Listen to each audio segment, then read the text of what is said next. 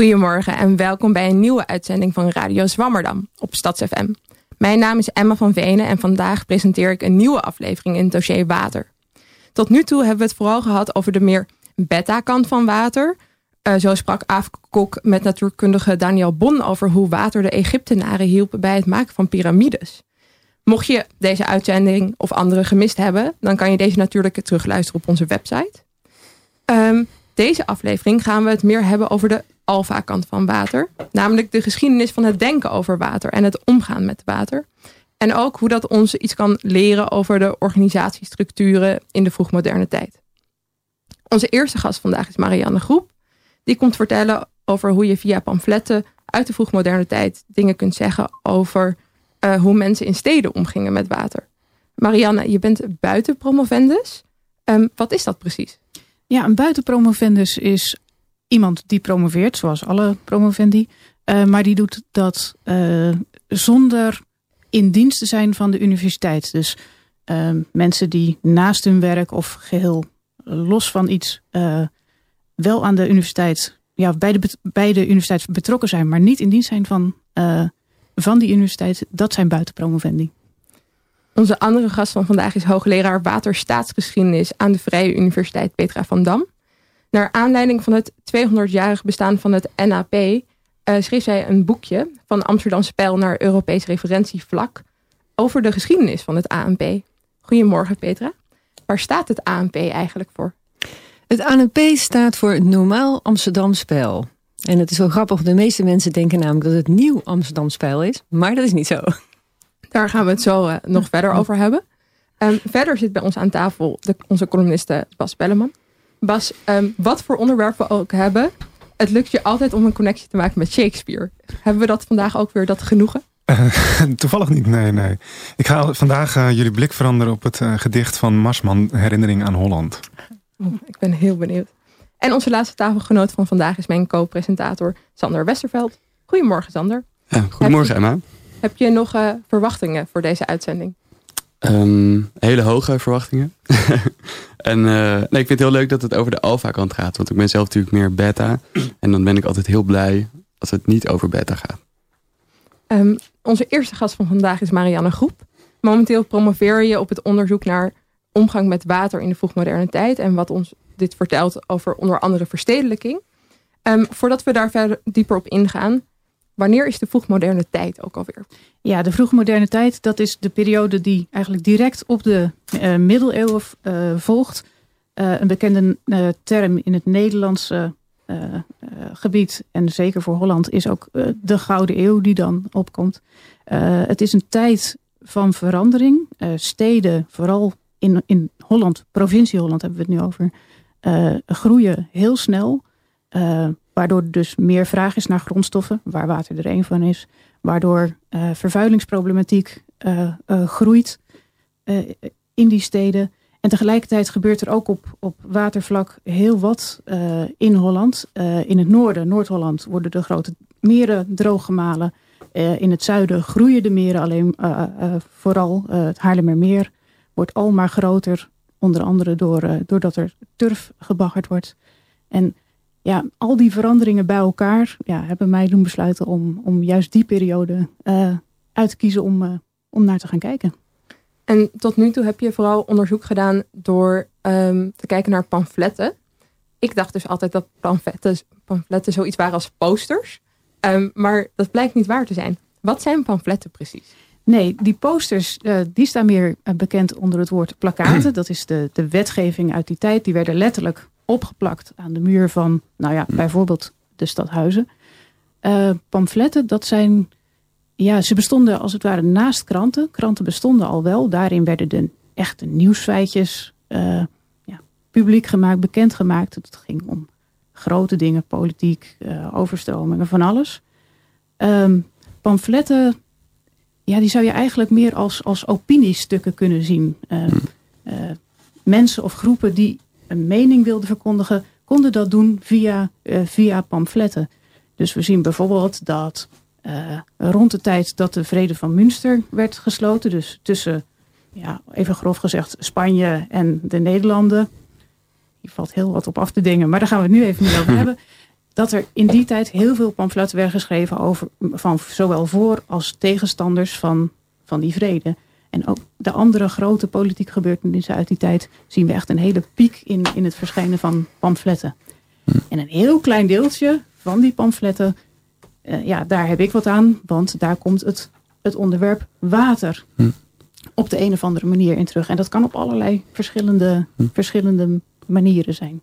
Dus zijn die, het zijn die uh, pamfletten van toen, zijn het eigenlijk de opiniepagina's van nu in de krant? Of? Zo zou je dat wel kunnen, kunnen stellen. Ja. Okay. Dat, uh, En want hoeveel pamfletten waren er dan ongeveer? Weten we dat?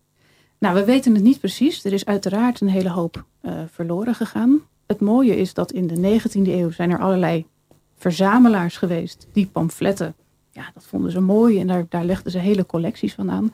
En door verschillende pamflettenverzamelingen naast elkaar te leggen, ja, vermoeden we dat rond de 80% uh, van de pamfletten uit die tijd nog bewaard zijn gebleven. Door te kijken naar de overlap van die verschillende collecties kun je, kun je dat soort uh, schattingen doen. Um, ja, en dat gaat per, per jaar. Ik kijk vooral naar de, naar de 17e eeuw. Kan het variëren van nou, ergens in de 40, 50 pamflet, pamfletten die we nog hebben. Tot in van die politieke, nou ja, brisante jaren. Uh, kan het gerust tot de 300 uh, komen. Dat klinkt nu misschien als een heel uh, klein aantal. Maar in die tijd was het echt iets wat, wat in opkomst was. Een, een eeuw eerder zag je nog nauwelijks van dat soort geschriften uh, gedrukt worden. Dus het, het, lijkt weinig in onze tijd, maar ja, ja, ik vind het best veel. Ja, vind ik ook wel. Nou, een van die watergerelateerde zaken die uit de pamfletten naar voren komt, is een strijd in de driehoek Amsterdam, Haarlem en Leiden. Um, dit ging voornamelijk over het Haarlemmermeer, of onder andere over het Haarlemmermeer. Um, we gaan, voordat we het hier echt over gaan hebben, even luisteren naar een fragment van de gemeente Haarlemmermeer um, over het Haarlemmermeer. Het vroegere Haarlemmermeer was een druk bevaren, maar ook gevaarlijk meer. De waterwolf had al voor 1600 aan de noordkant van het meer de dorpen Vijfhuizen, Nieuwerkerk en Rietwijk opgeslokt. Er werden plannen bedacht om het meer, net als andere meren in Holland, droog te maken. Maar dat gebeurde niet, omdat Haarlem en Leiden hun tolgelden en visrechten niet wilden opgeven. Het water bleef maar oprukken. En in 1836 waren er vlak na elkaar twee zware stormen, waarbij de schuimende golven tot de poorten van Amsterdam aanrolden. Technisch gezien kon het Haarlemmermeer al lang worden drooggemaakt, waar bestuurlijke prioriteit ontbrak. Maar die diende zich in de jaren 30 wel aan. Koning Willem I had in 1830 namelijk gezichtsverlies geleden toen België in opstand kwam. Willem had iets nodig om zijn aanzien te herstellen. Het temmen van de gevaarlijke waterwolf leek hem daarvoor heel geschikt. De omvang van het droog te maken meer en de gebruikte techniek waren tot op dat moment ongeëvenaard. Um, om te beginnen, wat is de waterwolf? Nou, de waterwolf, dat is dat groeien van het Haarlemmermeer waar ik het net al heel even over had. Uh, ja, het Haarlem, Haarlemmermeer is begonnen als waarschijnlijk een klein veenstroompje. En door uh, dijkdoorbraken is, uh, ja, is dat steeds een beetje, beetje groter geworden. Vervolgens zijn ook uh, mensen daarmee aan de slag gegaan die, die dolven turf uit, ja, van, de, van de bodem en, en de randen van, van het meer. En met iedere storm werd er weer een stukje van dat meer uh, opgeslokt, als het ware. Ja, uh, ja dat, dat was niet uniek voor het Haarlemmermeer. Jaren eerder was dat ook in Noord-Holland ge gebeurd. Waren er grote meren uh, ontstaan door, door, door stormvloeden. Hm. ja, ik vond het wel grappig. Daar hadden we het voor de uitzending even over. maar dat, is, dat inpolderen zag ik altijd, altijd een soort drang naar uitbreiden van de, het boerenbedrijf of zo.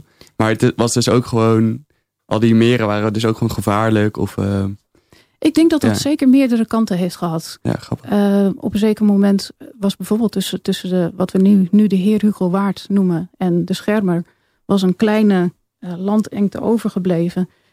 Ja, die mensen zagen ook wel, dit is gevaarlijk. Als we niet uitkijken, hebben we straks heel Noord-Holland onder water staan. Hm. En ik denk dat ze in, in het zuiden van Holland, of het zuidelijker deel van Holland, hebben ze dat gevaar ook wel gezien. En allerlei wetgeving over, over afgekondigd van als je turf, turf delft, moet je ook bepaalde hoeveelheden land daartussen laten bestaan. Hm.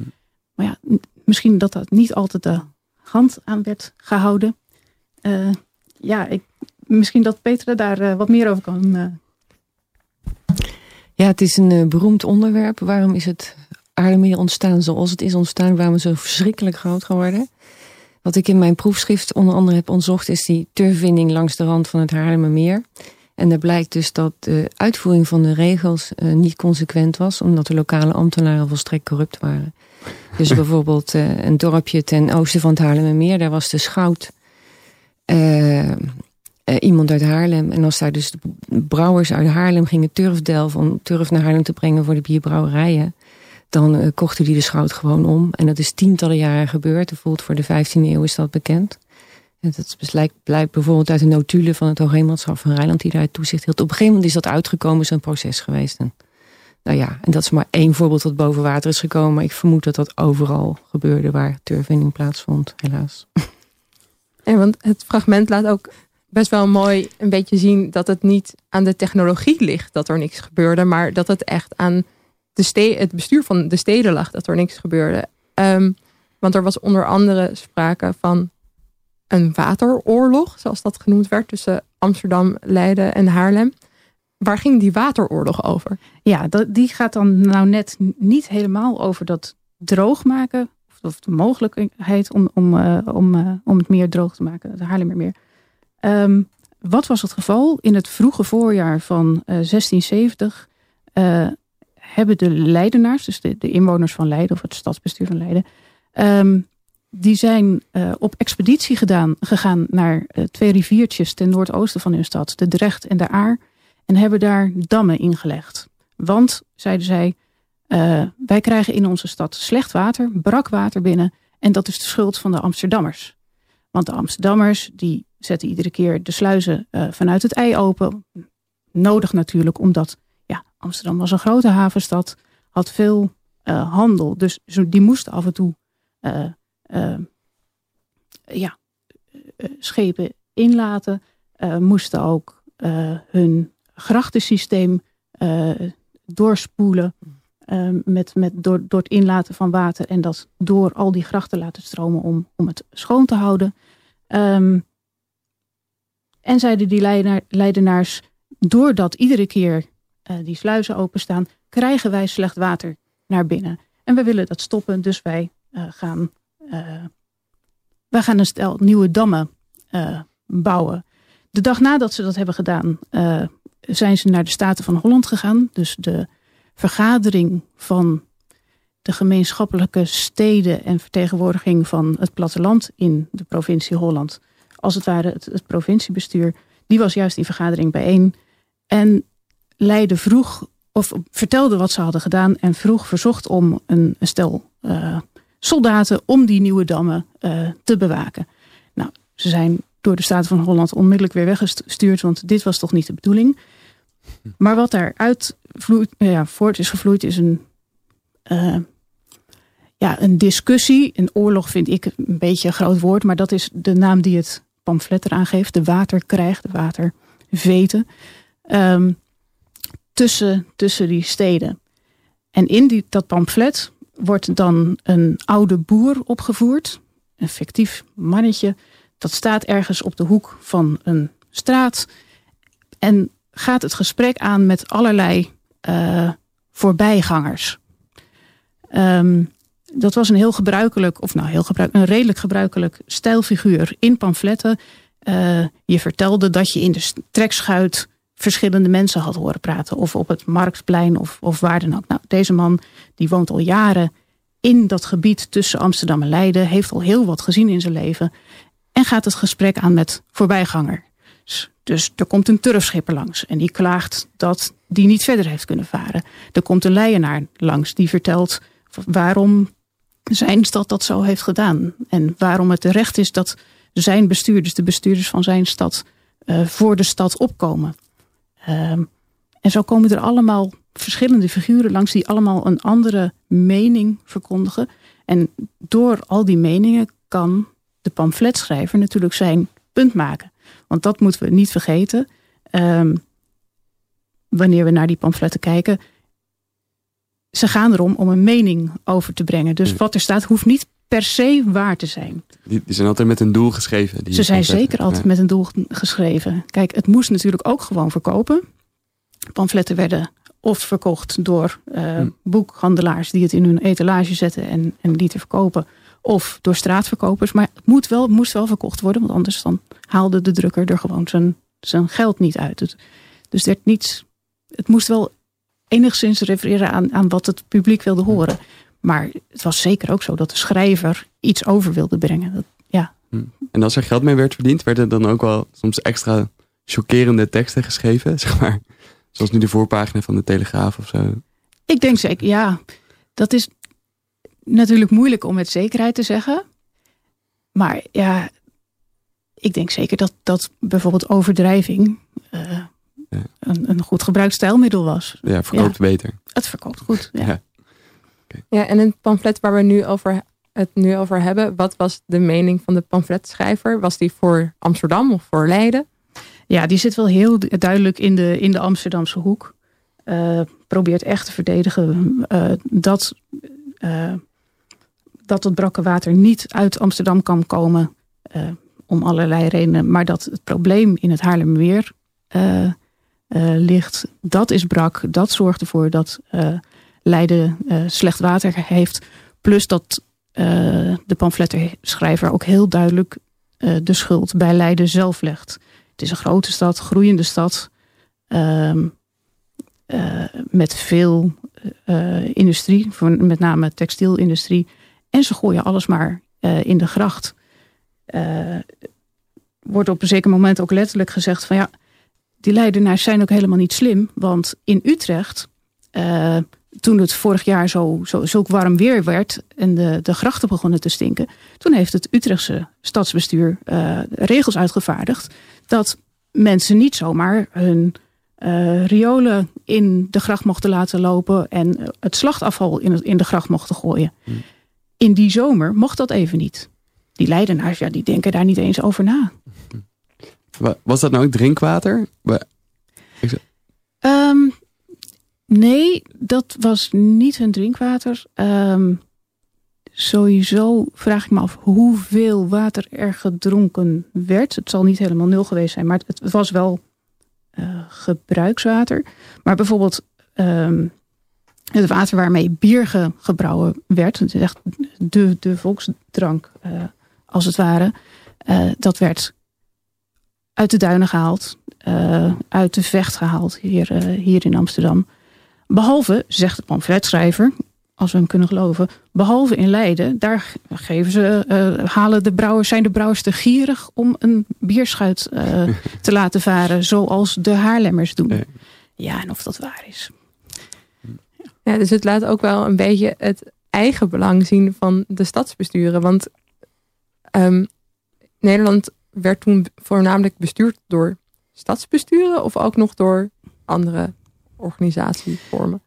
Ja, de steden waren hun eigen eh, bestuur. De, de, eh, ik denk dat er vooral heel veel besturen naast, naast elkaar bestonden. Je hebt de steden die allemaal hun eilandje zijn. Eh, die hadden hun eh, vertegenwoordigers in het provinciebestuur. Het eh, platteland had daar ook een stem. Maar bijvoorbeeld op de, op de, in, het, in het grote geheel waren bijvoorbeeld ook de, eh, de hoogheemraadschappen eh, belangrijk. Dus een hoogheemraadschap als eh, Rijnland, waar, waar Leiden een, een belangrijke vinger in de pap had, eh, was best machtig tegenover een stad als, als Amsterdam. Ehm, en ik denk dat, je, dat dat een van de dingen eh, is die je bijvoorbeeld in zo'n pamflet heel mooi ziet. Want ik kijk wel naar water, maar eigenlijk gaat het over veel meer dan alleen water in mijn onderzoek. Eh, eh, via dat medium kun je ook kijken naar hoe de samenleving was opgebouwd en hoe eh, mensen zichzelf zagen in het grote geheel, eh, in, in de natuur of, of in, in wat dan ook. Dus via bepaalde bronnen kijken we als wetenschappers naar, naar iets wat eigenlijk een, een, een groter geheel vormt. Als je begrijpt wat ik bedoel. Ja, ik ben het natuurlijk helemaal met je eens. Uh, ze vroeg net van hoe werd Nederlands bestuurd. En misschien nog voor de luisteraar leuk om aan te vullen... dat natuurlijk op nationaal niveau hadden we de Staten-Generaal. Maar die maakte zich alleen maar druk over de buitenlandse handel... en de defensiepolitiek. Of aanvalspolitiek, hoe je het ook wil noemen. Eh, en dat betekent dus dat op nationaal niveau er veel minder, over veel minder onderwerpen wetten waren dan op lokaal regionaal niveau. Dus dat versterkt eigenlijk jouw beeld van die lokale en regionale autonomie. En, en waar je tot nu toe bent in je onderzoek, Ehm, kan je dan al iets zeggen over hoe mensen nadachten over water? Was het, um, ik weet niet, uh, een vriend of een vijand of uh, een soort van lekker om te drinken? Nou ja, dat dus niet, weten we nu. Maar... Ja, dit soort vragen moet je denk ik aan geen enkele uh, wetenschapper stellen. Nee, natuurlijk moet je ze stellen, maar het antwoord is altijd, heeft altijd zoveel kanten. Ik denk dat het van alles een beetje was. Het was een vriend, want het was een, een stof dat er was om te gebruiken. Ik denk dat, dat ze ook weinig. Uh, waarom begin ik nu in het Engels te denken? Um, dat ze geen bezwaren hadden om, om, om dat te gebruiken. En inderdaad ook bijvoorbeeld hun, hun afval in, uh, in kwijt te raken. Hoewel ze daar wel over nadachten. Maar tegelijkertijd was het natuurlijk ook een bedreiging. Want uh, regelmatig braken de dijken door en, zaten mensen met, uh, met problemen. Ik, ik, heb het er nog eens op nageslagen.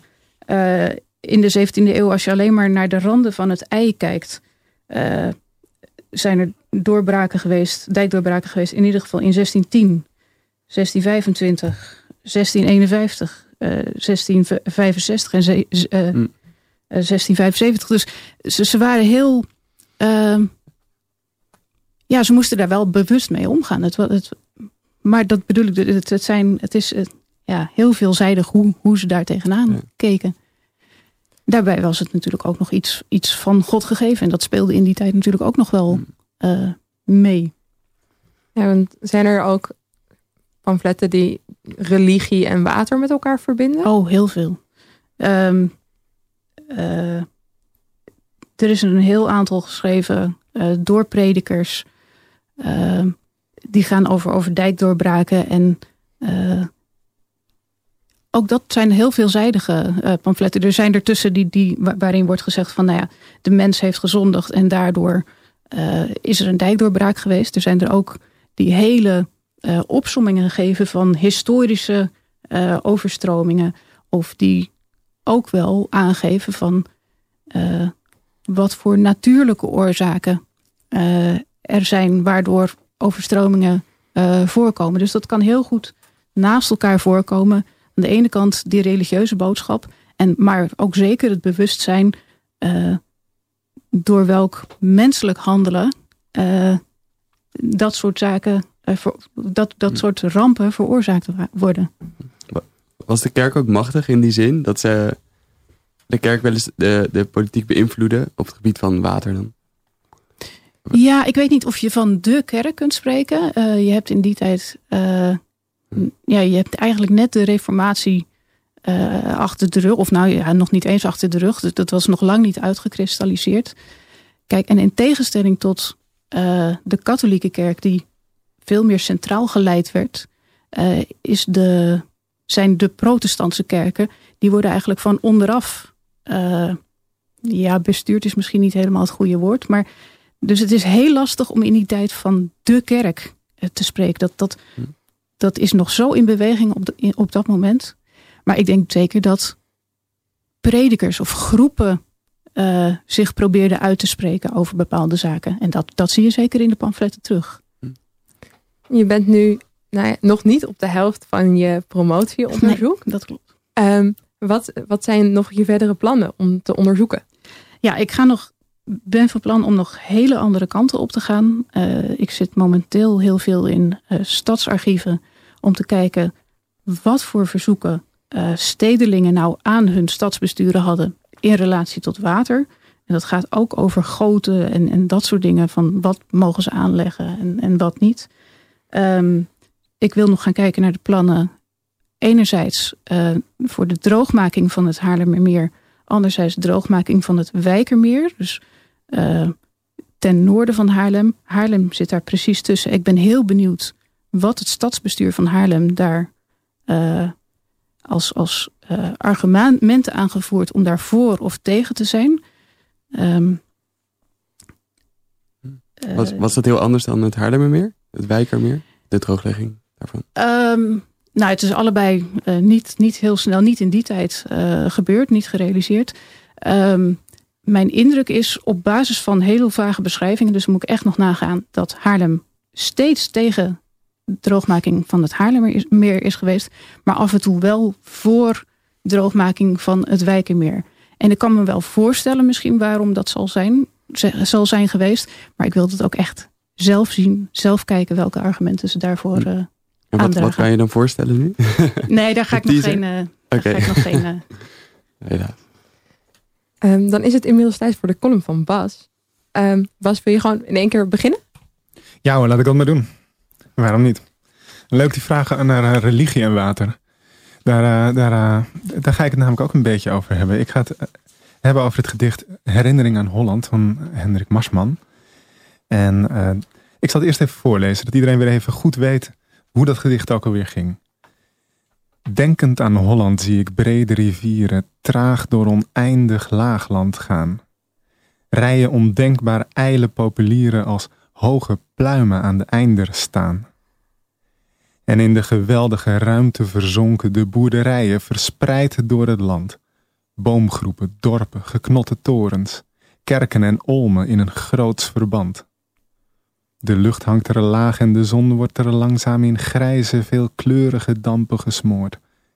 En in alle gewesten wordt de stem van het water met zijn eeuwige rampen gevreesd en gehoord.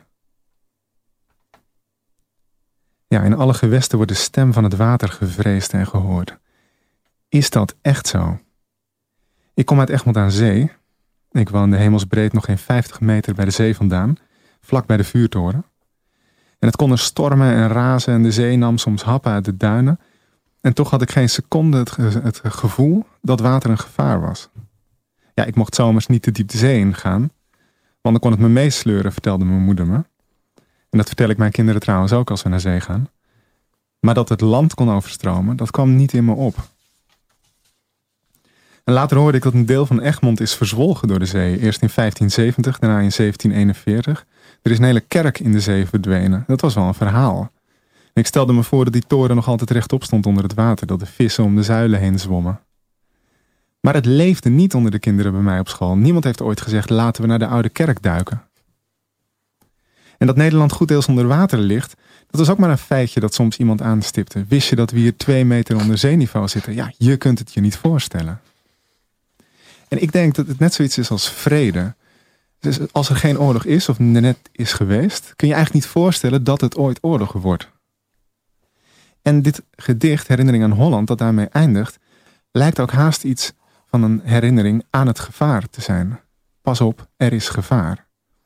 En het lijkt in die zin ook een beetje op een gebed. Sterker nog, het klinkt ook als een gebed. Bijvoorbeeld uh, het Onze Vader die in de hemel zijt, uw naam worden geheiligd. Die in de hemel zie ik brede rivieren. Uw naam worden geheiligd, traag door oneindig. Hoor je het? Eh, uw naam worden geheiligd, traag door oneindig. Het heeft ongeveer diezelfde klanken. En ook die versnelling van het gebed zit erin. Uw wil geschieden op aarde zoals in de hemel. Ook dat gebeurt. Dan zegt hij, uh, en in de geweldige ruimte verzonken. Hoor je een beetje hetzelfde. De adem van een gebed zit in dat gedicht van Marsman. En dat is dus niet alleen omdat het een mooi gedicht is, maar het krijgt ook inderdaad een groots verband. Die stem van het water wordt haast als de stem van God. Je kunt hem natuurlijk horen, maar je moet hem nog wel interpreteren. Je moet nog wel zelf luisteren naar wat hij dan zegt. Gevreesd en gehoord, die stem van God van het water. En dit, het gedicht, Herinnering aan Holland, is in die zin ook een ouderwets gedicht. We zijn het haast niet meer gewend dat een gedicht moralistisch is. En dit gedicht is dat wel. Het is nadrukkelijk moralistisch. Het eindigt ermee dat die stem van het water gevreesd en gehoord wordt. Nee, het zegt eigenlijk, wij moeten die stem van het water vrezen en ook horen. En dat lijkt me een uh, actuele boodschap, gezien de stijgende zeespiegel. Ik zou me niet verbazen als dat weer eens wordt geciteerd als er een uh, stuk Nederland onderstroomt. Dankjewel, Bas. Um, ja, water. Ik, heb ook, ik ben opgegroeid in Den Haag. En ik had wel als kind hele ontsnappingsplannen bedacht. Hoe ik dan vanuit mijn zolderkamer, als er opeens heel veel water zou zijn, met de kano uit de tuin naar Utrecht zou kanoën. Dat, dat, toen ik zeven was, dacht ik daar wel eens over na. Ja, maar dat soort plannen had ik ook voor als de Duitsers binnenvielen. En zonder dat ik nou daadwerkelijk dacht van dat gaat gebeuren of zo. Nou, bij ons, ik uh, kom uit het rivierengebied, ben uh, opgegroeid aan de Lek. Um, bij ons was het wel het jaarlijks uitje. Als uh, het voorjaar kwam, de, de, de, de, sneeuw of, of, of de gletsjers begonnen te smelten. Of nou, gletsjers. Um, en, en het hoogwater eraan kwam en de poorten werden gesloten. Echt de, de, de oude middeleeuwse poorten. Um, om, om het water tegen Het was wel het, het uitje van het jaar en iets waar je ja, misschien toch wel een beetje ontzag voor had. ik zeg ook niet dat het helemaal niet is, hè? maar het, het is wel iets waar je aan herinnerd moet worden. Want zodra je droge voeten hebt, denk je toch van nou, zo gaat het goed. Recht zo die gaat. En dan laat je gewoon turf wegsteken aan de rand van zo'n uh, stuk land. want ja, dan zal het niet zo snel onderstromen, denk je dan. Ik moest aan het, uh, wat je op het laatst zei over de stijgende zeespiegel, moest ik ook denken aan wat Marianne in het begin zei, namelijk dat, die, dat Haarlemmermeer was gevaarlijk. Uh, maar eigenlijk het politieke, uh, zeg maar technisch was het ook mogelijk, zoals Emma ook zei. Of in dat filmpje hoorden we dat ook. Maar uh, politiek was het heel lastig om het eens te worden om dat water in te dammen. Of zo interpreteerde ik het althans. En toen moest ik inderdaad denken aan nu de stijgende zeespiegel en de klimaatverandering. En technisch is het niet zo ingewikkeld om die uh, duurzamer te leven. Maar politiek is natuurlijk een hele lastige keuze blijkbaar. Dus ik vond het een mooie brug die je maakte, was. wat betreft eh, die overstromingen, wat we nu meemaken of hebben meegemaakt in de 20e eeuw, dat we dus een hele lange periode helemaal geen grote overstromingen hebben gehad. Hè. De laatste is van 53. En toen kregen we in de jaren 90, als ik me uit mijn hoofd zeg 95, 96, de dreiging van rivieroverstroming, maar dat is nooit gebeurd. En eh, we hebben dat uitgezocht. Ik heb daar ook een proefschrift over gehad over het effect als er geen overstromingen plaatsvinden. Want het omgekeerde was vroeger, dan had je iedere 15 tot 30 jaar had je wel ergens een grotere overstroming. En dat was meest vaak eigenlijk nog in het riviergebied. En bij iedere overstroming gingen dan geschiedschrijvers weer terug naar de vorige overstromingen. Dus de nieuwe ramp was als weer, weer een aanleiding voor een heel herkouwen van alle vorige rampen. En daardoor bleef die rampen ook in het geheugen van de mensen. Dus zeg maar in het collectief geheugen. Dus het feit dat het in Nederland al zo lang zo veilig is, is eigenlijk als het ware de oorzaak ervan dat het bewustzijn van de mensen over de potentie van overstromingen sterk is afgenomen. En het gevoel van het gaat toch niet gebeuren, dat is eigenlijk een heel nieuw gevoel. En vroeger hadden mensen een heel concreet gevoel dat het waarschijnlijk wel ging gebeuren. En, en misschien nog wel deze winter. Maar daar kun je het misschien nog over hebben. Want vroeger waren er ook allerlei maatregelen. Vooral ja, platteland. Het, het is tegelijkertijd niet voor niets dat je dan als geschiedschrijver weer terug gaat naar die vorige ramp. Of dat zo'n prediker al die overstromingen gaat opzommen. Want mensen vergeten ze. Ja, dus het is niet alleen maar dat je zegt van ja, iedereen wist dat nog. Nee, nee de, de, aanleiding is in het heden. Als er dus een overstroming is, dan ga je weer terug van hé, hey, hebben we dat al eerder gehad? Precies, maar een paar maanden daarvoor uh, zijn er heel veel mensen die er gewoon eigenlijk niet goed aan denken. Want die vorige was alweer 15 jaar geleden. Ja, precies. Maar als je maar vaak genoeg een ramp hebt, dan blijft die herinnering levendig aan de vorige. Omdat die herinnering telkens vernieuwd wordt door nou ja, historici, maar ook door predikanten en door journalisten en iedereen die er dan over schrijft. Vroeger waren dat ook vaak uh, schoolmeesters bijvoorbeeld, of uh, nou ja, dichters ook. Ja, er zijn ook heel veel gedichten gemaakt. Maar goed, dat is een heel ander verhaal.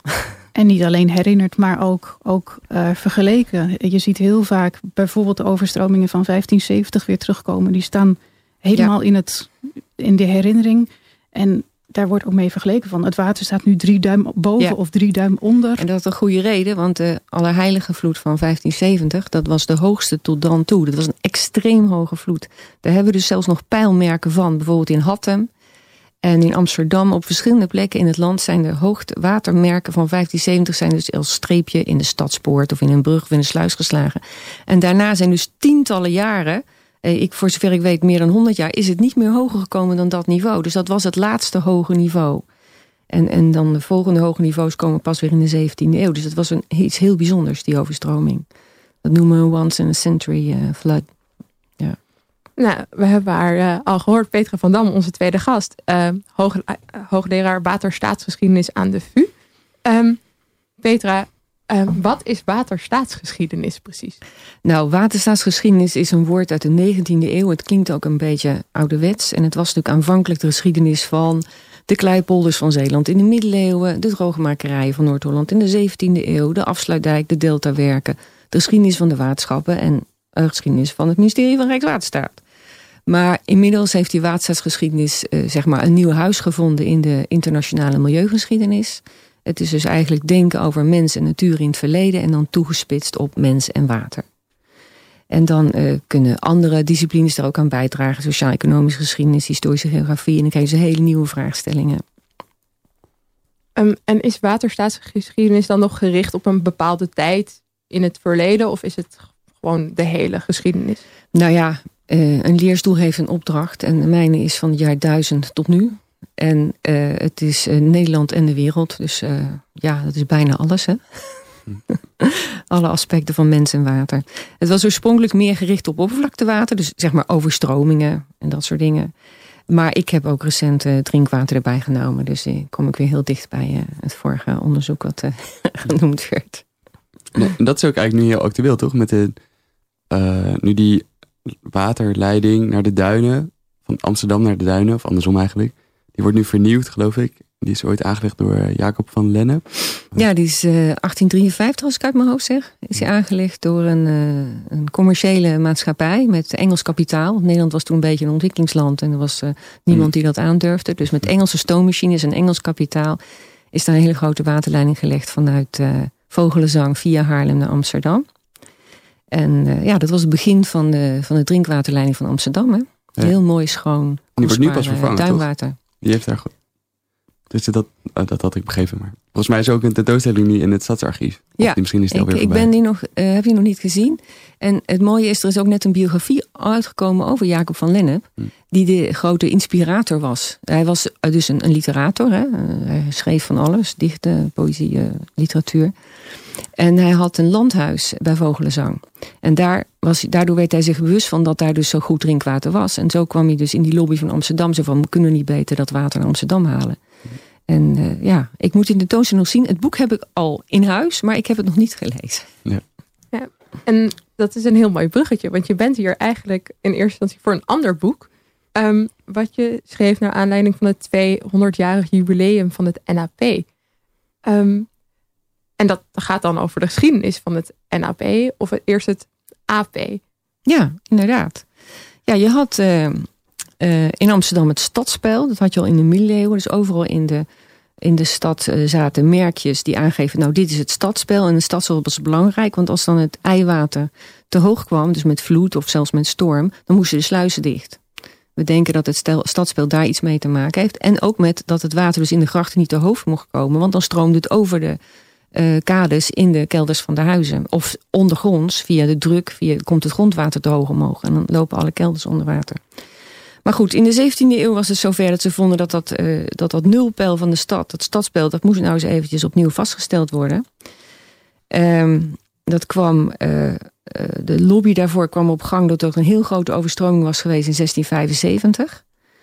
Um, en toen besloten ze om die hele eidijk weer opnieuw op te hogen. En die moest dus overal even hoog worden. En dan moest een bepaalde hoogte hebben ten opzichte van het stadswater en het ei. Dus zei ze, oké, okay, laten we nou dat nul van Amsterdam eens eventjes weer opnieuw vaststellen. De, dat is de eidijk. Waar, waar, ligt die ongeveer nu? Kan je die nog aanwijzen? Uh, die ligt uh, nu langs, uh, ik geloof dat dat de Prins Hendrikkade heet. Ja. Maar moet ik eventjes, nee, er ligt nog eentje terug. Want voor die dijk zijn inmiddels in de 17e en de 19e eeuw zijn dammen gebouwd. Dus bijvoorbeeld de Haarlemmerstraat, die loopt over de oude Eidijk. Dat is een stuk daarvan. Ja. En de Warmoestraat aan de andere kant. De, de, nee, dit heet daar de Zeedijk, sorry. Dus de ja. Haarlemmerdijk en dan de Zeedijk. Daar loopt het zo door in een bocht. Dat is nog een oude dijkdopraag, die, die bocht die in de Zeedijk zit. Maar goed. um, dus dat hebben ze toen gedaan. Toen hebben ze in één jaar, in 1683, 84, hebben ze dus het ei, de hoogte van het ei gemeten. En dat voor de zomer gemiddeld. Dus het vloedpeil van de zomer is toen het Amsterdamspeil geworden. En degene die dat gedaan heeft, was, die dat heeft laten doen, is eh, burgemeester Hudde. Dat was een wiskundige, die had nog in Leiden gestudeerd bij eh, de beroemde professor in de wiskunde, Frans van Schoten. Had een werk van Descartes uitgegeven, dus was ook een betrouwbare wetenschapper. Dus die kon wel zo'n gemiddelde berekenen, was, was betrouwbaar. En die betrouwbaarheid is een van de redenen dat Amsterdam daarna ook overgenomen is in heel Nederland. Dus eerst door de waterschappen rondom Amsterdam heen. En vervolgens is het uh, echt uitgezet. Dus zijn overal pijlmerken neergezet langs de grote rivieren door wetenschappers zoals uh, Johannes Lulofs en Melchior Bolstra. En uiteindelijk door Cornelis Krijhoff rond 1800 is er een hele meetexpeditie opgezet. Dat werd gefinancierd door het leger, want je had inmiddels de Bataafse Republiek. Die waren de Hollandse waterlinie aan het uitbreiden en die wilden dus ook dat nul overal hebben. Want als je geen nul hebt voor de hoogtemeting, dan kun je dus geen hoogte meten. Je moet, iets moet hmm. boven nul of onder nul zijn. En het moet, de verschillende hoogtes moeten onderling gerelateerd zijn. Hmm. En je kunt niet op de ene, ene plek één meter, een halve meter hoger hebben dan op een andere plek. Hè? Dat, dat is, uh, het is gewoon, ja, het is een beetje abstract, maar zo is het nou eenmaal. En hoe, hoe weet je nou nu dat er wat nul is op, in Amsterdam, wat nul is ergens anders? Maar ja. ik denk dan nu aan GPS of zo, maar dat... Ja, dat, dat hadden ze toen nog niet, hè? En GPS is ook uh, veel te onnauwkeurig. Je kunt niet met hmm. GPS tot op de millimeter een hoogte vaststellen. Nee. is hooguit enkele centimeters.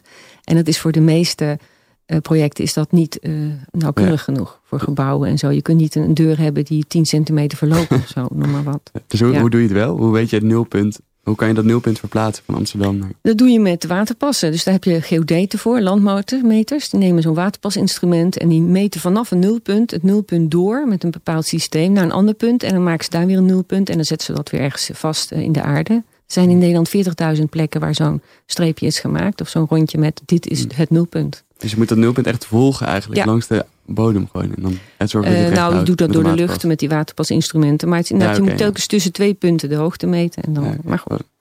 Nou ja, we zijn nog niet helemaal. Bij Kraaienhof wordt het dan dus systematisch verder verspreid langs de grote rivieren en de Zuiderzee. En in 1818 is een heel belangrijk moment. En dat is dus 200 jaar geleden nu. Dan uh, neemt koning Willem I het besluit om dat Amsterdam-spel uh, te, te, te, zeg maar, te formaliseren tot het pijl voor de rivieren. En dan wordt, groeit dan daarna uit voor heel Nederland. Dus het koninklijk besluit van 18 februari 1818, dat hebben we net gevierd uh, in februari. Dat is 200 jaar NAP. Maar dan heet het nog steeds geen NAP, dan heet het nog steeds Amsterdamspel.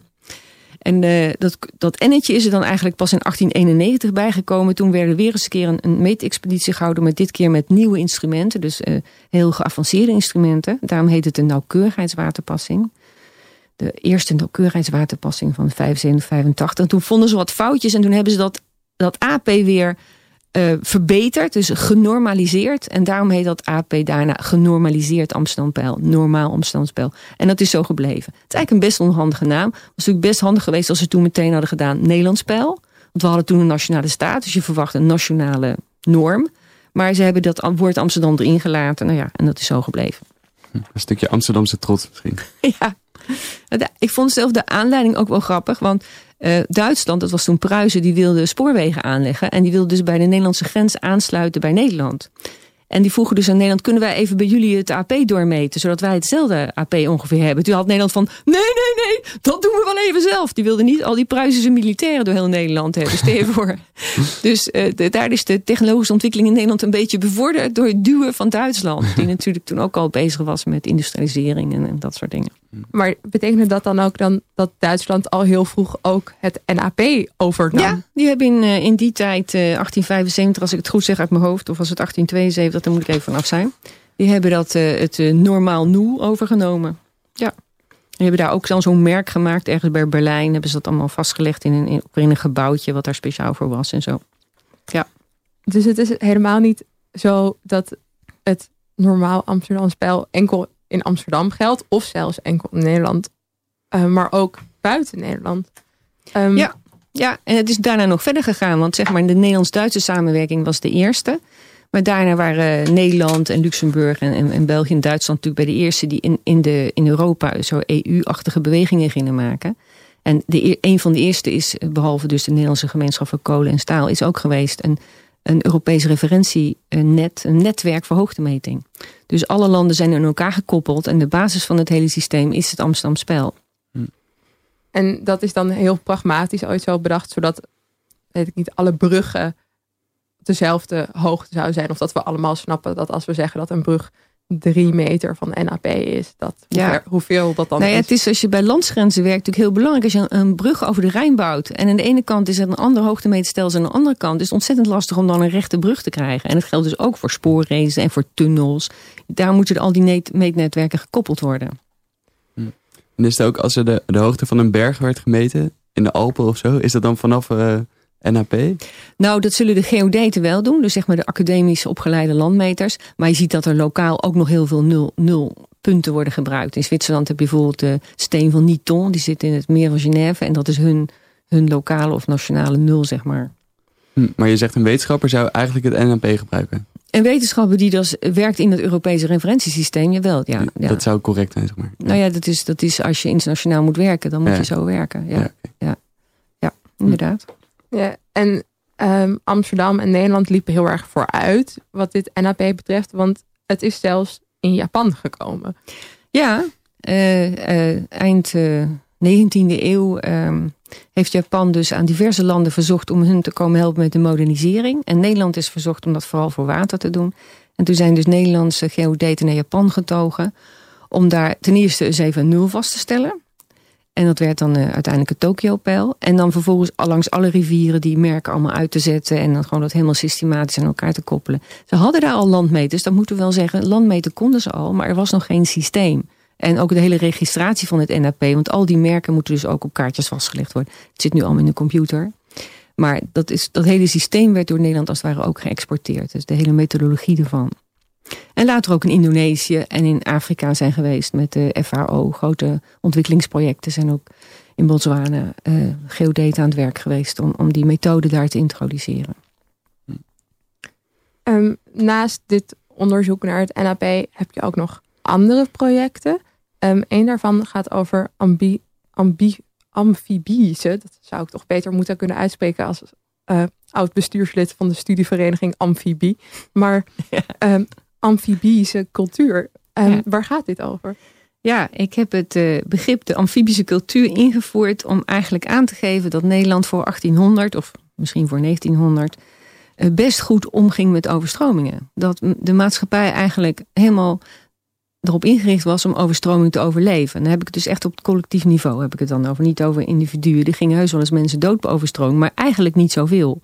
Die 2000 die in uh, 1953 zijn overleden, dat was eigenlijk best uitzonderlijk. Er is geloof ik maar één of twee eerdere overstromingen waar zoveel mensen overleden. Bij de meeste overstromingen, ten eerste zagen ze aankomen. Rivieren die stijgen langzaam. Ook een storm op zee, dat is niet een kwestie van twee minuten, maar dan ben je 24 uur of 36 uur, bouwt zich dat op.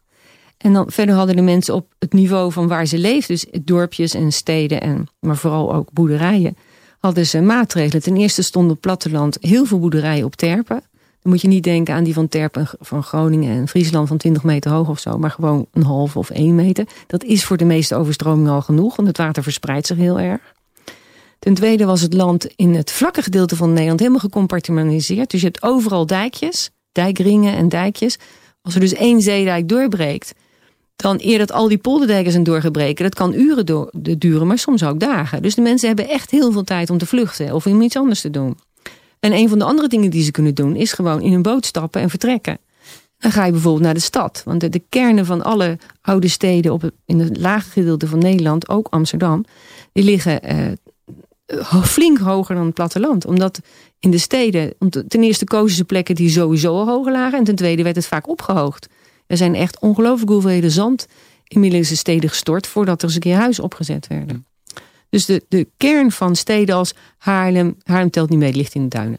Eh, Delft, Leiden, eh, Gouda, Amsterdam, Hoorn, die liggen allemaal uh, hoog genoeg om te kunnen vluchten. Dus als het ware wordt dat een eilandje bij een grote overstroming. En waar we het net over hadden, over um, hoe de soort van herinnering aan de overstromingen ook zorgt dat er maatregelen getroffen worden eigenlijk. Um, had het ook in 1953 dan dat er nu zoveel mensen in verhouding dan toch omkomen ook te maken dat het de eerste overstroming daarvoor ook alweer heel lang geleden was. En dat we het eigenlijk nou, weer vergeten 53 is een heel bijzonder geval. Een heel treurig geval, maar heel bijzonder. Want we hadden net een hele zware oorlog gehad. En waren bezig met de opbouw van de industrie.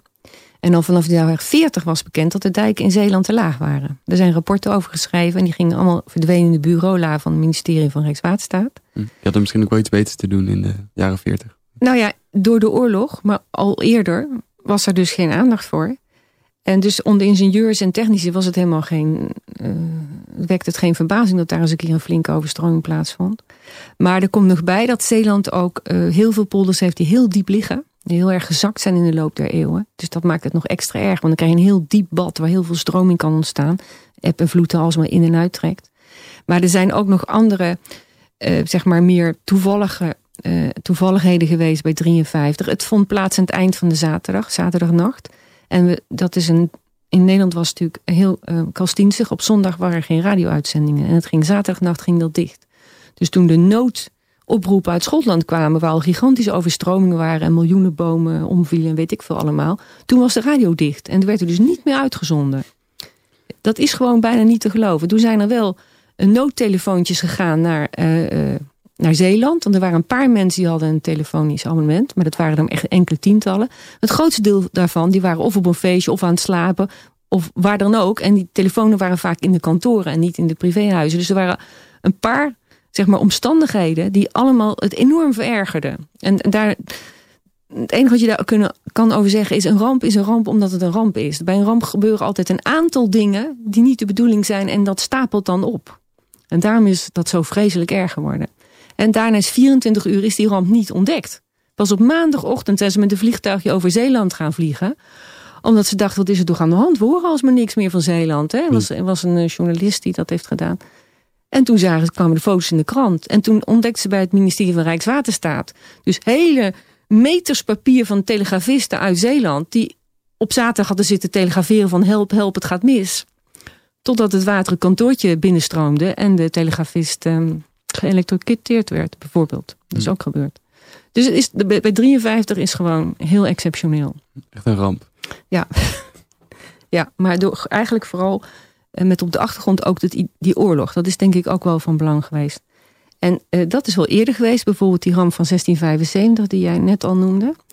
Uh, dat was een hele grote overstroming waarbij heel veel dijken zijn doorgebroken langs de Zuiderzee. Maar het kwam omdat daarvoor een oorlog was geweest in 1672 waarbij alle dijken waren doorgestoken.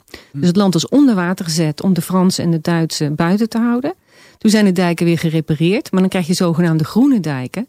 Die zijn nog heel zwak. En als je dan vlak daarna een flinke storm krijgt, want het hoeft helemaal niet zo'n grote storm geweest te zijn in 1675, maar toen zijn al die dijken op al die plekken weer doorgebroken. Dus het was, Nederland was gewoon een lek mandje. Mm. En zouden we nog steeds deze amfibische cultuur hebben? Of zijn we het inmiddels echt een beetje vergeten? Um, nou, ik denk dat door de enorme uh, effecten van de industriële revolutie, bijvoorbeeld de betonbouw, heel erg belangrijk, hebben we dus hele zware dijken gekregen, hele zware betonnen sluizen, bijvoorbeeld IJmuiden, daar hebben we de dijken doorgraven, dat is een, of de duinen doorgraven, dat is een heel dapper iets geweest, zal ik maar zeggen, eind 19e eeuw. We hebben daardoor heel veel vertrouwen gekregen in de technologie. En het idee dat wij het water buiten kunnen houden, dat is eigenlijk heel erg sterk geworden. En dat is ook bewaarheid in de zin dat we ook nauwelijks meer overstroming hebben gehad. Dus in dat opzicht zijn we niet meer zo amfibisch. We zijn niet meer aangepast aan water dat binnenkomt. Maar we moeten het nu gewoon weer worden, want we krijgen nu nieuw water. Hè? Dus we krijgen nu heel veel regenwater, met name in de steden die onderlopen. En we moeten dus ons weer gaan instellen op het opvangen van water binnen de dijken. Dat is denk ik een, belangrijke nieuwe trend. En dat is ook aan alle kanten al gaande. In Amsterdam loopt het Rainproof project. Waar water hmm. opgevangen wordt op pleinen en op, op daken, op polderdaken. Op allerlei manieren dat je het water even vasthoudt. Dat de riolen niet zo overbelast worden. Want daardoor vinden die overstromingen plaats. En als je het even het water vasthoudt, dan kan, kan, kunnen de rioolgemalen gewoon hun werk doen. En dan kun je gewoon een dag later de rest van het water naar buiten gooien. Ja, is het opeens zo heel, cultu heel actueel, wil ik zeggen, met twee historici aan tafel. Ja, ja, ja dat is natuurlijk uh, geschiedenis en klimaat. Dan kom je bij dit soort dingen. Het uh, ehm, NAP is wat dat betreft ook wel grappig. Uh, toen ik daar dus langere tijd uh, onderzoek aan deed, ontdekte ik ineens dat het NAP ontstaan is aan het begin van het mondenminimum. Mondenminimum is zo'n periode in de kleine ijstijd dat je heel veel meer oostenwinden krijgt. Het, ehm, zeg maar zo halverwege de 17e eeuw begonnen. Dat duurt dan enkele decennia. En um, dan krijg je dus meer opstuwing bij Amsterdam. Dus vanaf ongeveer eind 17e eeuw heb je dus dat de, de stormvloeden steeds hoger worden. Daar, daar, hebben we ook gewoon de cijfers van. Want dankzij het NEP is dat ook opgemeten. Want vanaf toen is de, zijn de waterstanden gemeten. Dus dat wisten die mensen natuurlijk niet. Dat ze aan het begin van een soort crisis in de kleine ijstijd uh, zaten. Ze reageren gewoon op de dingen die gebeuren. En dat zal bij ons in de toekomst ook zo zijn. En kijken we terug naar deze tijd en dan kunnen we zeggen... Was er nou zeespiegelrijzing door opwarming van het klimaat? Of niet? Nou, in ieder geval heeft iedereen uh, is, hard gaan werken om uh, ervoor te zorgen dat er niet grotere rampen hm. gingen gebeuren. Als, je, als, ze, als ze zo'n pijl hebben gemaakt en het stijgt elk jaar, denk je dan niet ook dat je een foutje hebt gemaakt? Nee, nee, daar was geen reden voor. Want dat, hm. was, uh, dat wordt niet door één iemand opgemeten. Dat wordt natuurlijk door, door al heel veel verschillende landmeters gedaan en zo. Ja, dus die, die zijn heel betrouwbaar. Ja, zeker. Ja. En wij hebben in Nederland, uh, we zijn natuurlijk al begonnen hè, met de zeespiegelrijzing te bevechten. We hebben dus de hele kust, de hele duinenkust verstevigd. Bijvoorbeeld in Katwijk is er een dijk in de duinen gemaakt, helemaal van beton. Er zit dan nu ook nog een parkeergarage in. Maar alle zwakke plekken van de duinenverdediging die zijn al aangepakt. Ja, ik ben daar toevallig laatst geweest en het was heel mooi. Ik, ik heb, Mijn herinnering aan Katwijk was echt als een spuuglelijk dorpje. Ja. Het is heel mooi geworden. Ik Die parkeergarage heeft ook grote prijzen gekregen als, als ontwerp. Ik denk dat het uniek is in de wereld ook. Ja, het is een uh, grote aanrader. Um, ik hoor inmiddels al de eindtune weer. En dat betekent dat we af moeten sluiten. Uh, vandaag hebben we het gehad over hoe water in de vroegmoderne tijd vooral nou ja, werd gezien als iets wat misschien praktisch was en eng en een vriend tegelijkertijd. En over hoe het NAP ontstaan is uit het AP. Ehm, aan tafel zaten Marianne Groep en Petra van Dam. Dank je voor jullie aanwezigheid en succes met het verdere onderzoek. Onze columnist Bas Belleman uh, was er vandaag ook weer. En het ging niet over Shakespeare, maar hopelijk volgende keer wel. Want ik vind hem heel fijn. Um, heel erg bedankt voor je mooie, mooie column. Uh, de techniek was vandaag in handen van Nathalie Jansen. En mijn co-host was Sander Westerveld. Later vanmiddag kunt u de hele uitzending terugluisteren via onze website www.radiozwammerdam.nl of via een willekeurige podcast-app. We zitten op allemaal. Like ons op Facebook, volg ons op Twitter en Instagram. En wil je reageren, dan kan dat door een mailtje te sturen naar redactie.radiozwammerdam.nl. Over twee weken is Zan, Sander hier terug en hij weet nog niet precies met wat, maar ik ben heel erg benieuwd. Mijn naam is Emma van Venen en u luisterde naar Radio Zwammerdam. En wij wensen u voor nu nog een hele fijne zondag.